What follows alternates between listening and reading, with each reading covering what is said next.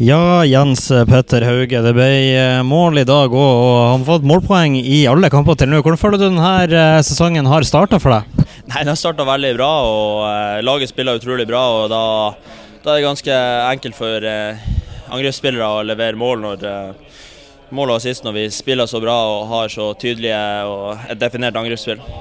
Og i dag det blir seier mot Taverljumbo Sarpsborg, noe som man kan forvente av topplaget Bodø-Glimt, men igjen en kjempevanskelig kamp å komme inn til. og I hvert fall når man ser på måten Sarpsborg spiller, som starta med syv-åtte spillere i sin egen 16-meter nesten hele kampen. Hvordan er det å skal bryte gjennom det her Sarpsborg-laget? Nei, Det er vanskelig. De kom hit med en tydelig plan, og det var å gjøre det vanskelig for oss. og Det syns jeg de gjør. Så det er litt godt at vi, at vi får 1-0-målet der litt ut av ingenting. Og, og vi trenger litt eh, de marginene på sånne dager, når ikke alt klaffer.